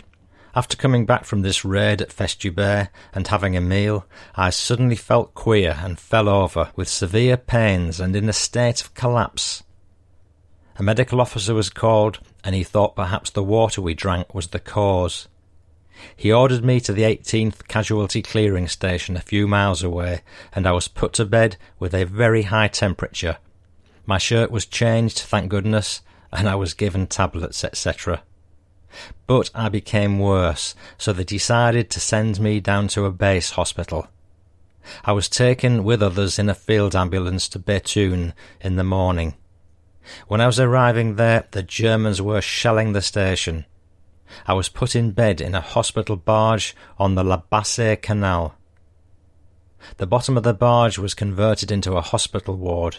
What terrible cases there were there. I recall feeling very bad then, with a high temperature. I still have the chart on a card used by one of the RAMC orderlies. We were taken down the canal to the casino at Calais, which was turned into a hospital. The medical officer who examined me asked me what unit I came from. I told him, and he said, It'll be some time before you're able to hump trench mortars that size about, and he marked me for Blighty. The next day I was put on a stretcher with a label tied to me, and this I still have, and I was put on a hospital ship called the SS Newhaven and landed at Dover. My head then felt terrible. The medical officer had said, no doubt the gunfire gave you shell shock as well. My label or tab was marked PUO, which meant pyemia of unknown origin, blood poisoning. I later found out this was caused by lice and called trench fever. Laying on the stretcher on the landing stage at Dover, I was asked which town out of three I'd like to be sent, as three hospital trains were waiting. Their destinations were Norwich, Brighton, and Nottingham. I said Norwich or Brighton. Soon after my train started, the medical officer came round, and I asked him if it were Norwich or Brighton they were sending me. He said neither, as I was bound for Nottingham. I never regret being sent there. Carrington Hospital was a school before the war. When I arrived there, it was nearing the end of June 1917. During my stay at the hospital, we were taken to a garden party, tea, and entertainment at the Pleasance, Wilford Lane, by kind permission of Sir Jesse and Lady Boot, of the well-known firm Boots Chemists. From three in the afternoon to 8.30 p.m. we were amused by the NPF concert party and the Pleasance band for those who could dance. The accompanists were Nurse Cottrell and Mr. W. Titterington. I still have the programme. From Nottingham I was sent to a nearby town of Southwell for convalescence in a house near the cathedral called Burgage Manor. Excellent people, the matron and staff. After about a month there, I had leave and was sent to the command depot at Thetford in Norfolk to prepare us for another continental holiday, but no fifty pound spending money. At the command depot we were arranged in groups from 6A down to 1. If you'd not recovered very well, you started in 6A and gradually got down to 1, when you were soon sent back to your depot and over the channel again. It was during my stay here I met a soldier who had some verses typed on a piece of paper. No, not the sort of paper you'd think. I've been trying to remember them during my period writing this, and will try to remember them. I don't agree with them altogether, but there is some truth to be said regarding them. Listener, the term OBE, about to be used, is the Order of the British Empire, awarded to British people for distinguished service to their country.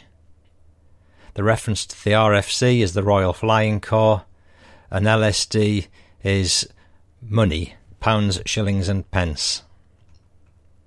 Here goes with the poem.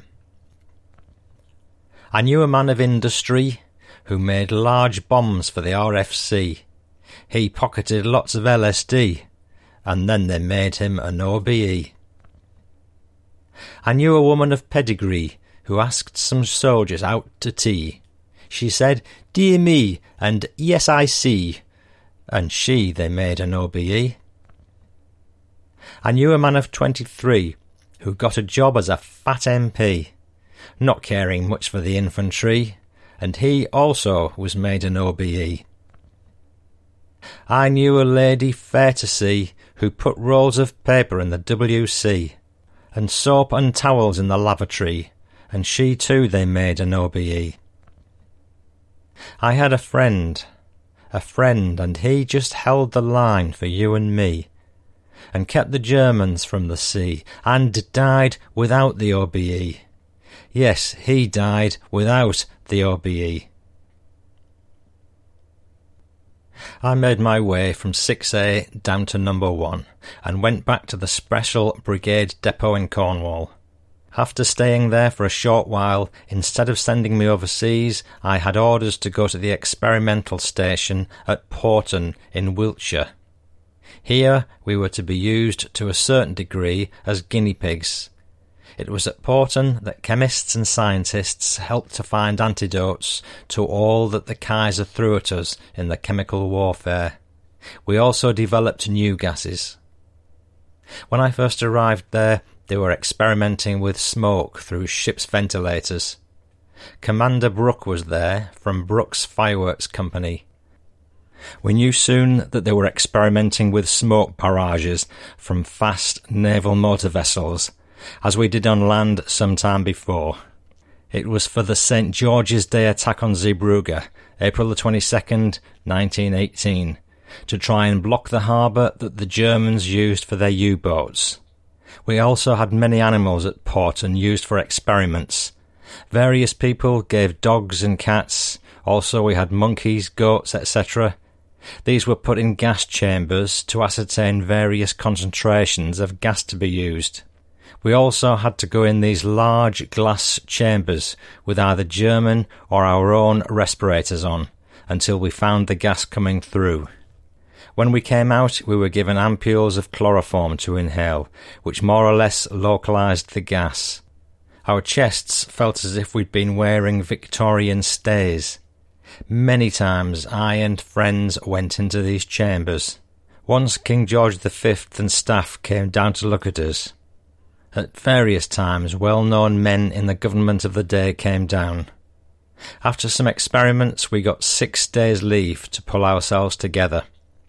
When the Germans used mustard gas, this was also part of the work done at Porton to overcome the effects of same. In November 1918, some of us were sent down to the French experimental station at Entressen, near Arles, in the south of France. Here we found the weather to our liking, and we lived in tents alongside the French experimental troops. The French released the gas, and we were placed at various distances, wearing either the latest German or British respirators. We also had dogs with us. The British respirators proved to be able to last longer in concentrations of gas than the latest German ones. We had a number of these experiments. Once an officer asked me to put my respirator on and bend down over a gas cylinder, which he turned full on. At the time we stayed at Entressen, we'd been told that half a million Yanks were there, ready if the Germans didn't agree to an armistice. Also, our gas was ready. The place was full of Americans, and they did not get on very well with the French colonial troops stationed at the barracks at Arles. We got taken once to a little fishing village on the Mediterranean called Martigues for a change from gas. The best job I saw during the war was at Arles Station. A small body of men had been stationed there since the beginning of the war, and their job was to prepare food parcels for troop trains going through Italy. They all looked fit, well fed, and comfortable. I often wondered if they ever went home again. Possibly, if I'd been one of them, I wouldn't have done. On our journey down to the south, we stopped in Paris for a day or so. It was on the Gare de Lyon station in Paris that our lads sang a new song out about that time called The Parson's Waiting for Me and My Girl. A huge crowd gathered round, most of them on their way back to work. It was about 8 a.m., and they thoroughly enjoyed it. Returning to England and Porton Camp, we did not do much as an armistice had been declared. Some of the men began to get their discharge, commonly called their tickets. I managed to get mine in the January of 1919 and returned to a land fit for heroes to live in, so we were told.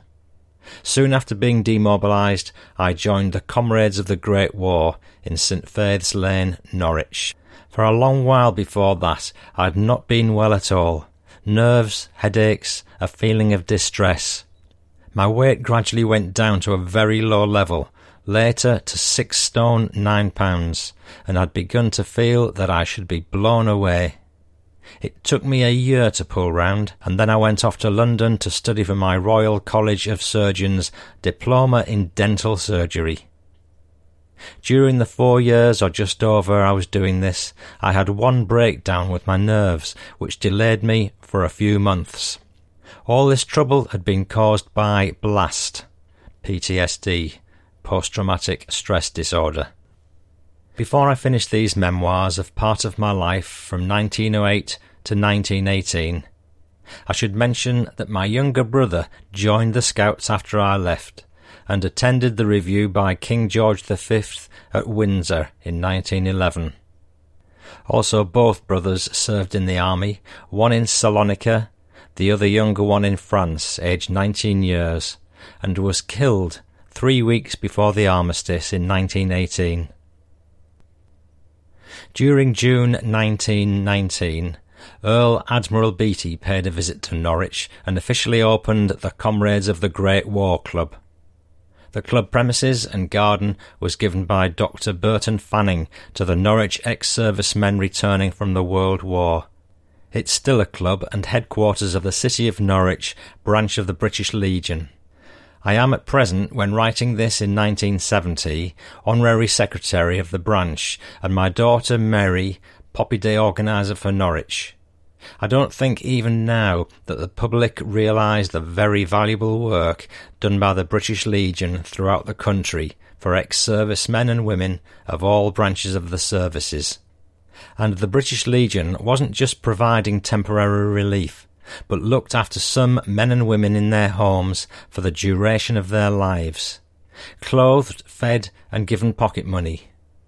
One such home in the county of Norfolk is Halsey House at Cromer. Also sharing the club premises are the Royal Norfolk Veterans Association. All members of the club help their less fortunate members locally. After the war, spring 1919. Before leaving Norwich for London and my dental studies, I paid a last visit to the tobacconist I usually brought my cigarettes from. This man was a great punter, and he asked me if I'd like him to send me a good horse racing tip that he was expecting to be told the next day for the City and Suburban Handicap. I agreed, and the tip duly arrived for me by post at the dental hospital, the snag then was who I was to put it on with. I knew very little about betting and nothing whatsoever regards what was done on the spot. I'd noticed some of the students throwing things out of the windows to someone in a lane beside the hospital, but I didn't know what they were throwing. Also, being new, I dared not mention betting during my first days there, so I didn't have a bet. I had ten shillings in my pocket that I would have invested to spare. That evening, when signing the book at the hall porter's desk before leaving, the porter said to me, Did you back the winner, sir? I told him why I didn't have a bet, and he said I could have put it on with him, or with a student there. Also, I could have thrown it to a bookie out of the window. He then asked me what tip I'd been given, and I told him corn sack. Goodness gracious, he said, that won at ten to one. I still think about that. I would have had quite a sum to collect in those days. Five pounds. My lodgings then were just off Clapham Common, and I used to study after dinner each night until early in the next morning, except for Saturday and Sunday. On Sunday evenings I very often used to go to the Plough at Clapham Common. They had music there then, the Plough was one of the resorts of the famous comedian the late Dan Leno, who died in 1904. He was a great favourite of the Drury Lane pantomimes in the late 1890s and the first four years of 1900. I can just remember being taken as a young boy of about nine years to see him and the late Herbert Campbell, another great laughter maker. Leno was said to be the greatest comedian ever. He never resorted to smut, but managed to make everyone roar with laughter. It wasn't for long that I lived off Clapham Common. I kept losing my soap from my room to discover that one of the two landladies used to steal it. Also, the food was not up to much. I then moved to Binfield Road by the Swan Hotel Stockwell, where I stayed for about two years. It was a large house with a nice landlady who looked after me, and there was about six other boarders as well. During these two years, I passed four of my exams metallurgy, dental mechanics, chemistry, and physics. I became friendly with a young chap who boarded in my lodgings. Very often we went out together, once to a football match at Stamford Bridge, fourth round cup tie, Chelsea versus Swindon, and Chelsea won. Swindon had that famous centre forward playing for them, Harold Fleming. I think 74,000 spectators were there, and a guards band played before the match and at half time. One tune I still remember is Smile a While. We also sometimes paid a visit to a pub in the Brixton Road called the White Horse. It was used a lot by members of the stage. I once saw an actress polish off thirteen bottles of Guinness, some with port wine in. Then an old lady, it was said the wardrobe mistress, took off to her lodgings, and she was still quite able to walk. During this first year in London, 1920, medical and dental students were asked to put their white jackets on, take collecting boxes, and visit the Derby to collect for the King Edward Hospital Fund. Before the day we were given a tip, I understand by the late George Robey, the comedian. Most of our hospital students backed it, and I watched the race from the front of the stands near the distance. It was here that a large horse knocked over another horse called Abbott's Trace with Steve Donoghue riding. Both horses and men were laid out on the course. We thought badly hurt or dead. Luckily, they both got up, only badly shaken. The race was won by our tip Spion Kop, with O'Neill riding at a hundred to six. I had a nice little win that day. During the day, the students collected a large sum of money for the hospitals. During the 1921 summer, we had some very hot weather. In fact, in London, it was almost unbearable, especially at night. The paving blocks in Trafalgar Square came up owing to the heat, and looking up the Mall from the Admiralty Arch owing to a mirage, the Queen Victoria Memorial appeared to be upside down. One Saturday night we paid a visit to Brixton Market. A large joint of beef could be had about 11 p.m. for two and six. Some meat was sold at fourpence a pound. There were no fridges in those days in butchers' shops, only ice boxes that could hold only a portion of their stock. I might add that the smell was very rank at that hour. One very hot afternoon, a friend of mine, a student, suggested that as there was not a lecture on that afternoon, we should take a bus and go out somewhere in the open and study. I suggested Mitcham Common, and we duly arrived there about twelve fifteen. The heat then was intense. At one end of the common we saw a hotel, and decided before getting down to study that we'd have a shandy each. Well, it wasn't a shandy we had, but bitter beer, and I'm afraid when we finally emerged from the hotel, it was two o'clock. We got down on the common with our books and went to sleep. When I woke up, it was just past six. We pulled ourselves together, and I only just made it for dinner, just past seven. I think it should be mentioned here that the various incidents I have or will be relating mostly took place at weekends, but not all of them, as we had our lectures and practical work to do in between. Also, in the third year, we had lectures and dissecting, etc., at the Middlesex Hospital. Our summer vacation was just the month of August. During the early part of 1921, we had a visit from a high ranking officer from Scotland Yard, asking us students to join the Special Constabulary. They then must have known Labour troubles were ahead. Most of us joined, and we were issued with batons, caps, whistles, and brassards, and were informed we might have to man tube stations, even drive trains. Also bring stuff from the docks onto lorries and drive buses. We found work to do when trouble did start. Fighting was taking place in Whitehall on the Thames embankment. Paving blocks and stones were flung at police. Roughs with golf clubs were smashing car windows, and mounted police were everywhere. It all came to an end on a Friday, when Mr. Thomas, the MP, was said to be the one who stopped it. One day the students collected in Cavendish Square for a demonstration. Quite a few hundred turned up, and they were packed at one corner of the square facing a house with a car outside. It turned out to be Mr. Asquith's, who had recently fought a by election at Paisley in Scotland and had won. He was Prime Minister for about eight years prior to the war. A line of us young policemen stood in front of the crowd and kept pushing them back, saying at times, Get back! This annoyed the students, many of whom at that time had served in the Great War, and a great number of them had been over the top with the bayonet or flying above the trenches in a very primitive plane, certainly compared with the planes of today.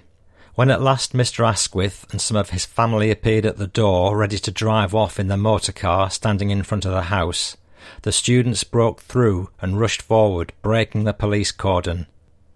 Myself in the front police rank, suddenly seeing Mr. Asquith's car looming up in front of me, had to fall flat on the running board to avoid being crushed. Eventually, Mr. Asquith's top hat was captured, and the students were now making their getaway, pursued by the young policemen. I never heard of any assaults or anyone brought before the bench.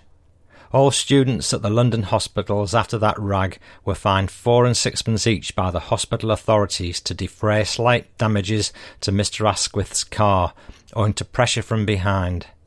Asquith's top hat, I heard, was auctioned that evening by the late George Robey from the stage of the Alhambra Theatre, now pulled down and now in its place the Odeon Cinema, Leicester Square. It fetched fifty pounds, which was donated to the King Edward Hospital Fund by kind permission of Mr. Asquith. During that year at the Royal Dental Hospital, there was at one period a feeling of uneasiness. Students kept missing odd things, instruments which the students had to buy themselves, articles from their coat pockets, etc. One student had a cheque made out to himself stolen and cashed at the bank. Myself, I had my hospital hatband stolen. One Saturday morning, when five of us were detailed to serve as dressers in the surgical room, and having had a very busy morning doing local extractions, two of us had stayed behind to clear up. The student with me was one of the two who'd seen me place my hat, plus the newly bought band in hospital colours on the peg. When I was leaving, I saw by looking in the mirror by the door this man putting some small instruments in his pockets. I ran quickly downstairs to the secretary's office and told them there what I saw. Before we could get up to the surgical room, the fellow had vanished down the back stairs to the patient's entrance. On the Monday morning after, I was called to the Dean's office to find two police officers from the CID at Vine Street there. They informed me that during the weekend they'd searched the house of the student and found numerous stolen articles there, including books taken from bookshops in Charing Cross Road, some jewellery and other things. Also a good many instruments stolen from the hospital. I was asked if I would go with them to Bow Street and go into the witness box if he pleaded not guilty. I agreed and was taken by car to the court and told to wait just inside another courtroom, where the infamous financier and fraudster Horatio Bottomley was being charged. I'd seen him arrive at the time I did in a large car with his wife, surrounded by a crowd of roughs cheering him. This was no doubt previously arranged. Bottomley was committed for trial at the Old Bailey, where he got seven years penal servitude for fraud. The student pleaded guilty, so I didn't have to appear in court. He was placed on probation for two years and, of course, dismissed from the hospital. During the 1914 18 war, Bottomley had been looked upon as a national hero, making patriotic speeches and at the same time running a fraudulent Victory Bond Club. Bottomley was a brilliant orator next. I should imagine for Mr. Lloyd George and possibly Mr. George Roberts, Labour MP for Norwich and Minister of Labour around 1918, during the coalition government. He contested Norwich as a Conservative after the war but was defeated. I attended the Derby every year from 1920 to 1923. The winning horses were Spy on King, Humorist, Captain Cuttle, and Papyrus. The winning jockey in all the last three races was Steve Donoghue. The famous cry at the time, Come on, Steve! He won the Derby six times altogether. In 1922, I backed the winner 10 to 1, but the bookie did a bunk and I got nothing. But he was caught and his satchel was turned upside down by some of the students, and his bodyguard of toughs given a very rough time. Instead of a quite good amount in my pocket when arriving at Cannon Street station that evening, I had just three pence. But my friends had nineteen and six, nearly a pound, so we managed to enjoy ourselves in the pub outside the station before going to our digs. It had been a very hot day, and the gypsies were selling water at twopence a cup. All minerals had been sold out, so we were very thirsty by the time we reached London. That bookie owed me over three pounds. During the middle twenties, I attended Lewes races with a young lady. In those days, race courses were pestered with race gangs. Sometimes they fought one another, but the main aim was to blackmail bookies, also steal what they could from the public.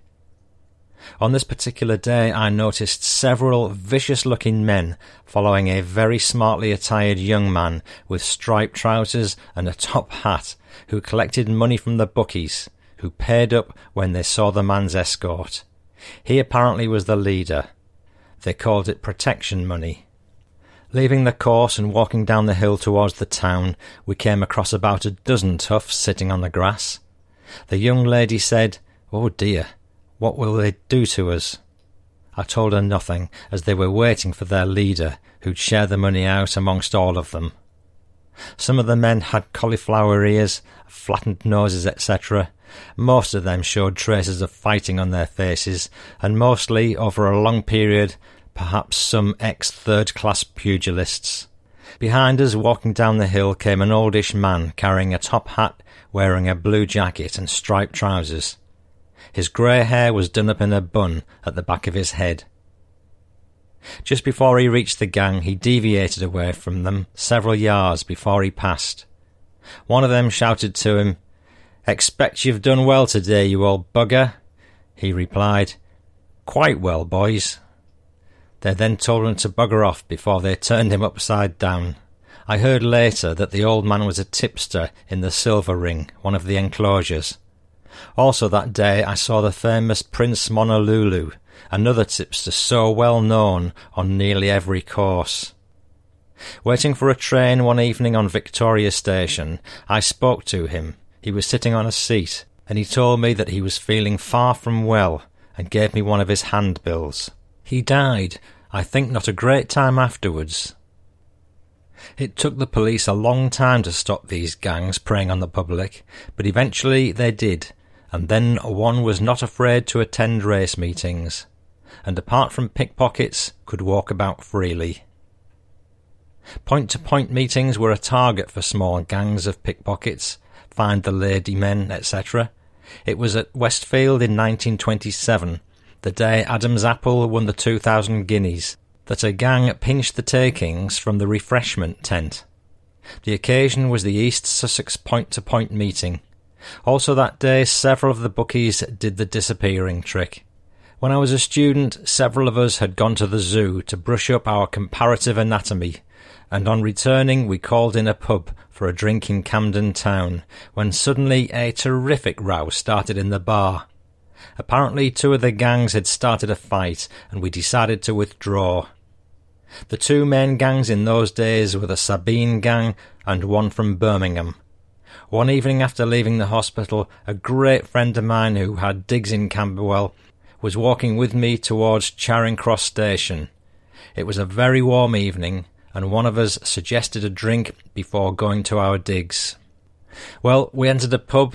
I have an idea it was Mooney's in the Strand.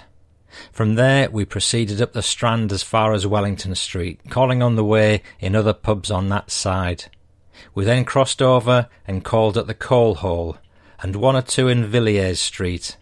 Then we went up the steps to the station and had one there. Then we shook hands. I told him to go straight home, and like a father, he said the same to me, which I did. The next day I couldn't find him at the hospital, and it wasn't until lunchtime that I discovered him having a wash in the toilets and looking in a very wretched condition. He told me later that day about his adventures after leaving me the previous evening. Apparently, he decided to have some more drink as he wasn't feeling in a fit condition for more study that evening. Not ever having been to Victoria Station, he thought he'd grace the locality with his presence. Having arrived there by a number 11 bus, he spotted that famous hostelry, the Windsor Castle, and liking the look of the building, he duly entered. And there he remained until turning out time. He then steered himself to the best of his ability to the end of Vauxhall Road. He couldn't see any trams, but seeing a lady approaching, he asked her where to catch a tram to Camberwell, but seeing his condition, she ignored him.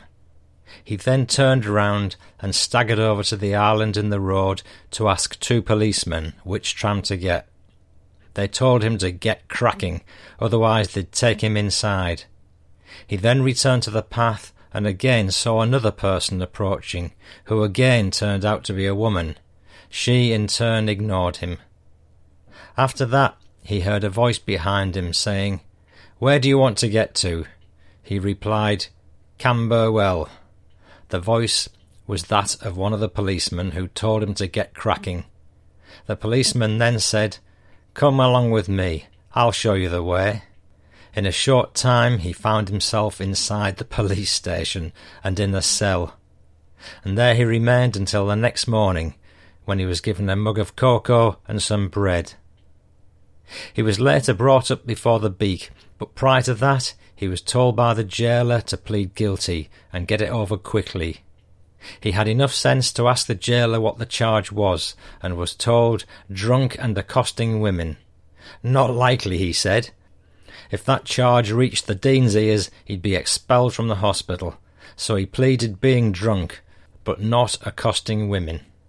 The magistrate said to the policeman who'd arrested him, Where's your witness? He replied that the policeman who was with him that night was not on duty today. The charge was dismissed, owing to no second witness being available, and he was allowed to go on a twenty shillings doctor's fee and fourpence for the cocoa and bread. I think it's unwise to mention my friend's name, as he was well known in the part of the British Isles where he came from. He joined up in the First World War when over age as a volunteer. He used to feel very strongly against conscientious objectors. He used to quote a song, Call up the boys of the old brigade who made old England free. Called up my mother, my sister, and my brother, but for God's sake don't call me. In June 1924, I took my final exam, which lasted five days. And the last day of the exams, we were given the results. We had to file past a man holding a large book in his hands, who called out your name and number. When you answered yes, you were told if you'd passed or not. After having been informed that I'd passed, I met a friend of mine named Nelson, who'd also passed. He said to me, Let's get out and celebrate. But before we did, I sent a wire to my parents telling them I'd qualified. We called in quite a number of pubs between Queen's Square and Leicester Square, and after that I felt I'd celebrated quite enough. That's pretty much the end of Captain Hovell's uh, adventures for now. Um, after the First World War, he set up in private dental practice, and that's almost all we know until uh, we hear the second part of his memoirs. Thank you so much to Virginia Dack for giving me access to her father's records. And as, as I speak, she's managed to find the long lost second part of his memoirs, which cover World War II. Oh my goodness. Coming next year, and no matter how long it takes, it'll be soon. Thank you for your support, and thanks so much for making the time to listen to me. And I really do get bowled over by the feedback you sent in. I assure you it's a great motivator. And please write like, rate review, or share the show howsoever it pleases you. Above all, enjoy. There's a PS coming up soon with one of the best known war poems ever written. First, news of the next episode.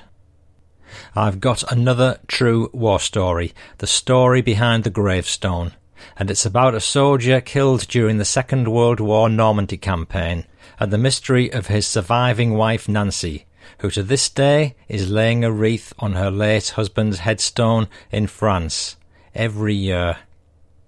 Listener Keith Farquharson is trying to trace the soldier's combat history and locate his believed surviving wife Nancy.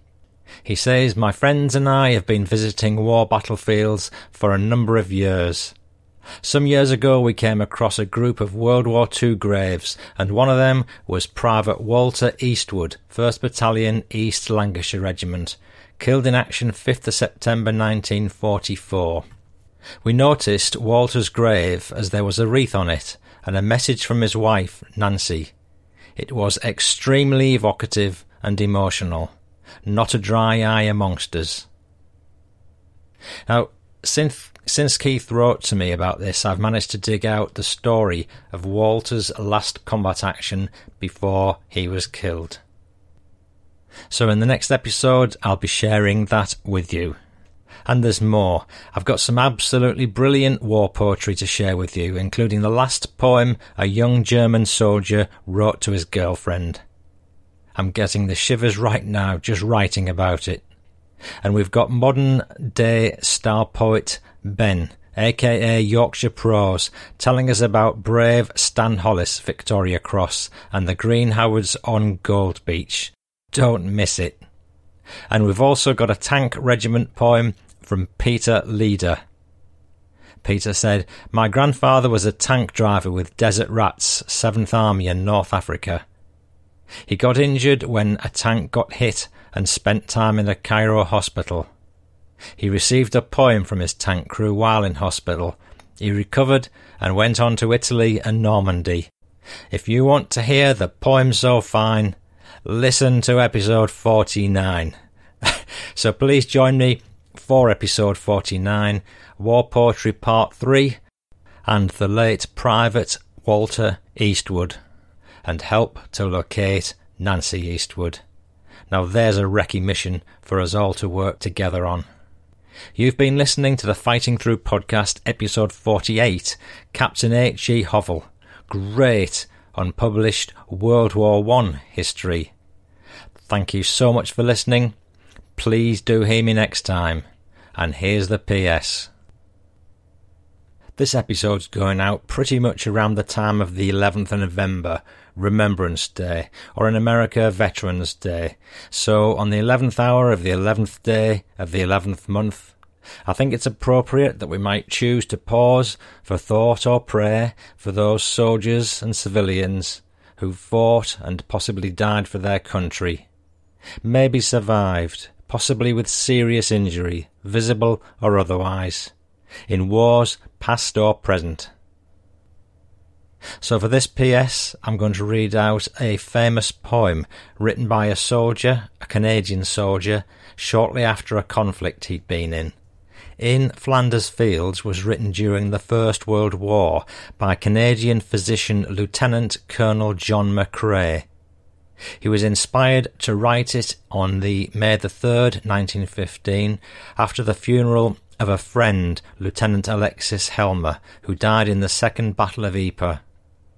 According to legend, fellow soldiers retrieved the poem after McCrae, initially dissatisfied with his work, discarded it. In Flanders Fields was first published in December 1915 in Punch magazine. It's one of the most quoted poems from the war, and as a result of its immediate popularity, parts of the poem were used in efforts and appeals to recruit soldiers and raise money selling war bonds.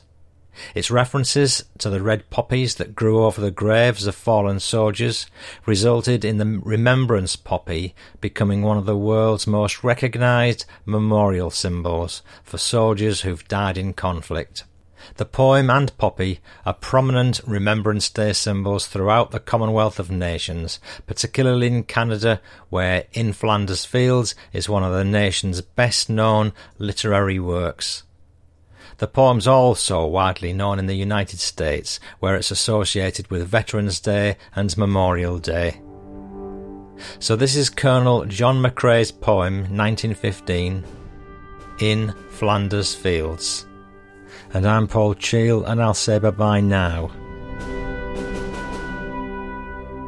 In Flanders fields, the poppies blow between the crosses, row on row, that mark our place. And in the sky, the larks, still bravely singing, fly scarce heard amid the guns below. We are the dead. Short days ago we lived, felt dawn, saw sunset glow, loved and were loved, and now we lie in Flanders fields. Take up our quarrel with the foe. To you from failing hands we throw the torch. Be yours to hold it high. If ye break faith with us who die, we shall not sleep, though poppies grow in Flanders fields.